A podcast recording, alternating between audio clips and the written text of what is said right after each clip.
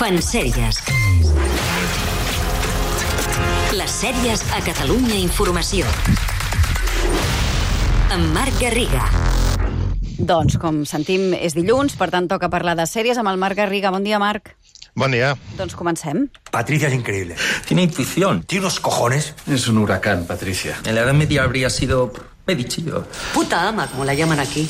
Ser jefa en un mundo. Marc, per fer una sèrie per en Miren i Barguren.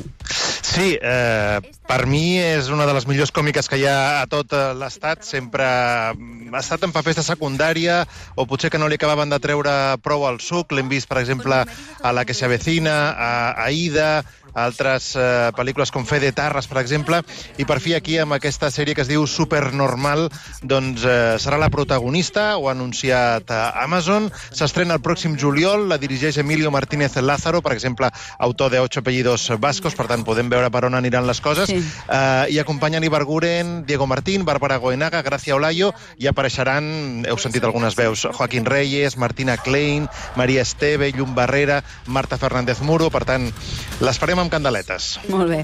Comença a caminar també un nou spin-off de Joc de Trons.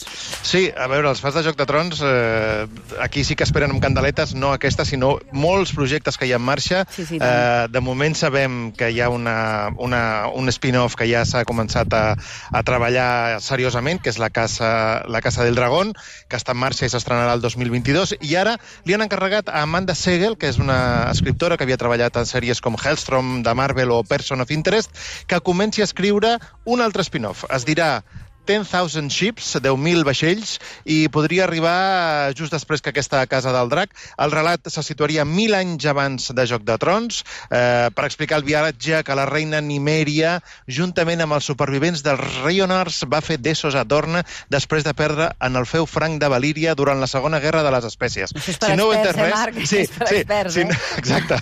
Si no heu entès res, és comprensible, perquè és eh, per, per ultrafans, jo diria.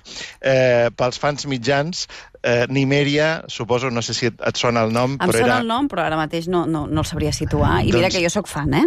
Sí, però clar, e- era el llop d'Arya Stark. Això, sí senyor.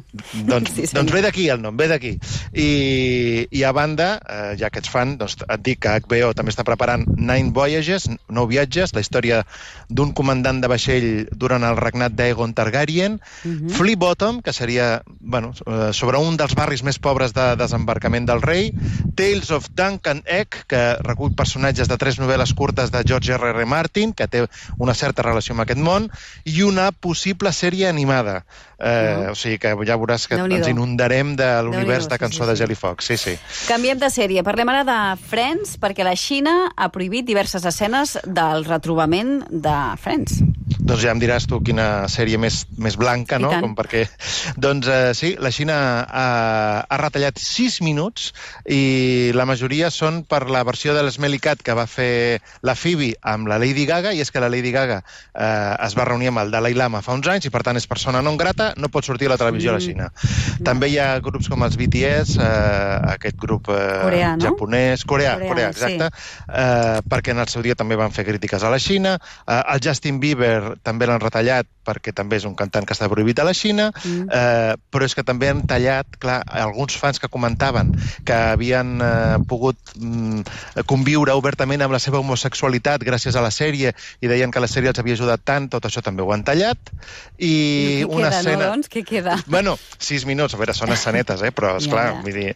Eh, no sé si l'has vist al retrobament, però hi ha una, una escena del making-of que es No l'he veu el. Joey doncs s'enganxa en una escena on ell s'obria una gabardina i semblava que estava despullat, realment estava vestit i s'havia posat una foto del ros a l'entrecuix. Mm. Eh, doncs això també ho han retallat perquè no, no, no era apte pels xinesos, es veu. En fi. No. Vale, parlem ara d'una bona sèrie que s'acaba, El mètode Kominsky. Sí, s'acaba d'estrenar a Netflix la tercera temporada i és l'última, es tanca molt dignament, eh, tot i que hi falta un dels grans protagonistes, l'Alan Arkin, que havia anunciat feia temps que no seria en aquesta última temporada.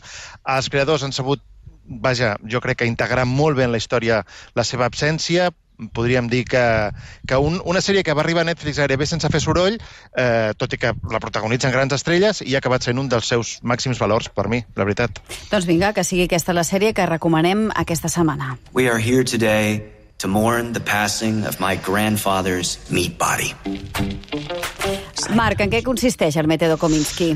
Doncs és una dramèdia, podríem dir. És a dir, que es ven com una comèdia, mm, però no té res a veure amb aquests productes de riure fàcil, acudits, directes, públic enllaunat, sinó que és, sí, és una comèdia, perquè planteja situacions còmiques, però parla de l'amistat, la bellesa, l'amor d'una manera amb molt humor negre, amb més somriures que riallades, podríem dir, eh, i el seu protagonista és Michael Douglas, que és el Sandy Kominsky del títol, un professor d'art dramàtic que viu bueno, d'uns èxits ja pretèrits de fa anys, que intenta que els seus alumnes se'l creguin i pensin que els diners que li paguen estan ben invertits per aprendre a ser actors, eh, i el seu company de l'ànima, que és el seu agent, que és aquest Alan Arkin, que en aquesta tercera temporada no, no apareix.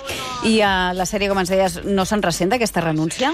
Doncs la veritat és que no, eh? eh sí que se'l troba a faltar perquè feia un contrapunt molt, molt graciós, però ho resolen molt bé. Eh, i potser fins i tot podríem dir que aquesta tercera és la millor de les tres temporades eh, perquè tanca molt bé la sèrie. Mm -hmm. Fa un final molt rodó, optimista, envia el missatge que sempre som a temps d'evolucionar, d'aconseguir un somni abandonat, eh, que és el que volia la sèrie des del principi, i a més a més han fitxat Kathleen Turner per, per fer-li de contrapunt al Michael Douglas. Per tant, eh, Ah, sí. tornem a veure la guerra dels Rous Ai, sí. perquè fan d'ex ex parella, eh, per tant, en pantalla petita. O sigui, que, que millor que això. I del seu creador té antecedents d'èxit?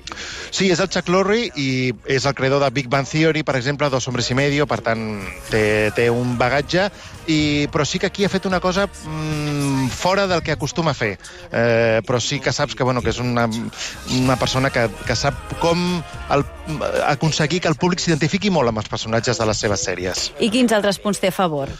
Doncs mira, molts cameos de luxe. Eh, per exemple, pots veure Haley Joel Osment, el nen aquell que veia morts al sisè sentit, que ja està molt crescudet i costa reconèixer al principi el Paul Reiser, que era protagonista de Boig per tu, la Nancy Travis, la Jane Seymour, però després van passant actors Danny DeVito, Anne Margaret, Morgan Freeman, Barry Levinson... És com si el Michael Douglas hagués agafat l'agenda i va, vinga, tots els amics i col·legues que passin per aquesta sèrie. A més, és molt curteta, 8 capítols per temporada, aquesta última 6 i 30 minuts per capítol, que això també s'agraeix molt, i té molts premis, Globus d'Or, Emmys, etc. Doncs el mètode Kominsky. Uh, bona recomanació. Gràcies, Marc. Uh, ho deixem aquí i fins dilluns Molt que bé. ve. Bon dia. Fins dilluns, gràcies, bon dia. Adéu. Fan sèries. Les sèries a Catalunya Informació.